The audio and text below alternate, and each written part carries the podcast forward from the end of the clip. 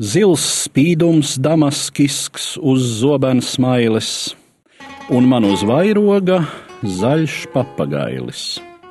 Zem bruņām augstajām es esmu kails, un bruņas tāpēc ir, ka man ir bailes no dunčiem gļēvajiem, kas slepus vāžas, no runčiem glaimīgiem, kas virsū bāžas, no vārdiem miroņiem, kas vijas važās, no vēja dzirnavām, kas nesagāžas.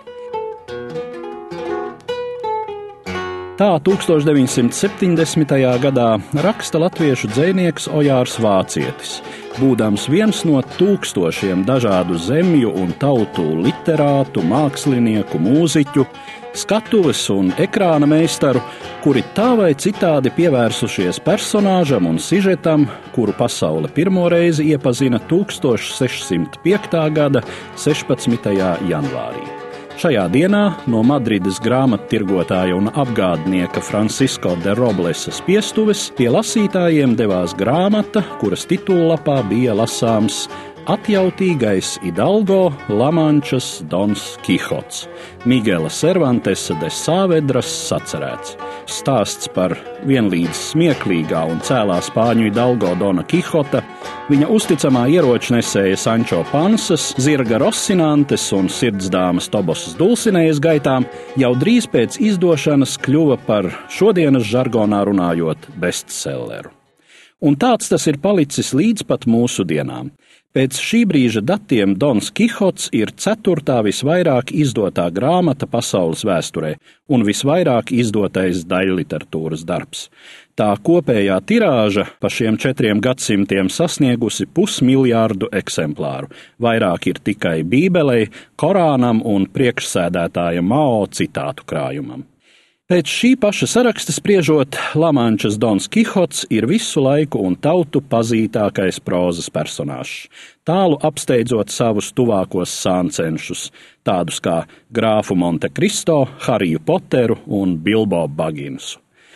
Ar krietno Idalgo atpazīstamībā varētu mēroties vienīgi vēl Šekspīra populārākie tēli, kurus vairāk tiražē skatuve, nevis iespiedu mašīna. Starp citu, angļu drāmas ģēnijs Šekspīrs un Dona Kihota autors ir laika biedri, vēl vairāk miruši vienā un tajā pašā datumā. Tas gan nenozīmē, ka vienā un tajā pašā dienā, jo Anglija tad vēl nav pieņēmusi Gregora kalendāru, tāpēc tur 23. aprīlis iestājas desmit dienas vēlāk. Tomēr tas nav traucējis dažiem izvirzīt fantastisku teoriju, ka Donu Kihotu un Magbetu, Otello un Hamletu radījusi viena un tā pati persona vai personu grupa. Nekādu daudz maz nopietnu pierādījumu šādai teorijai nav, tomēr minētā sakritība divu tāda mēroga dižgaru nāves datumos, protams, provocē uz ekstravagantiem pieņēmumiem.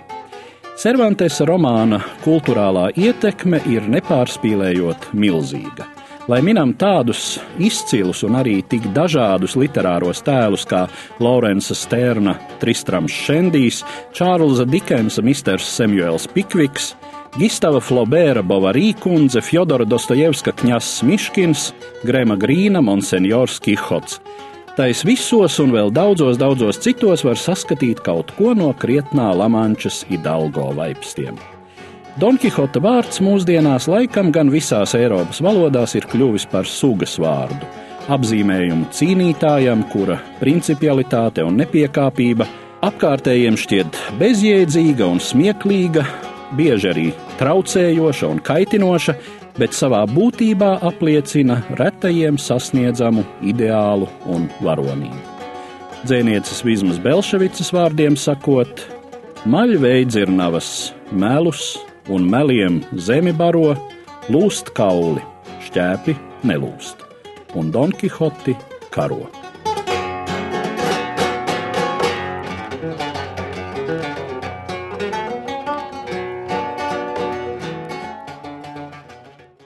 Stāstīja Eduards Liniņš.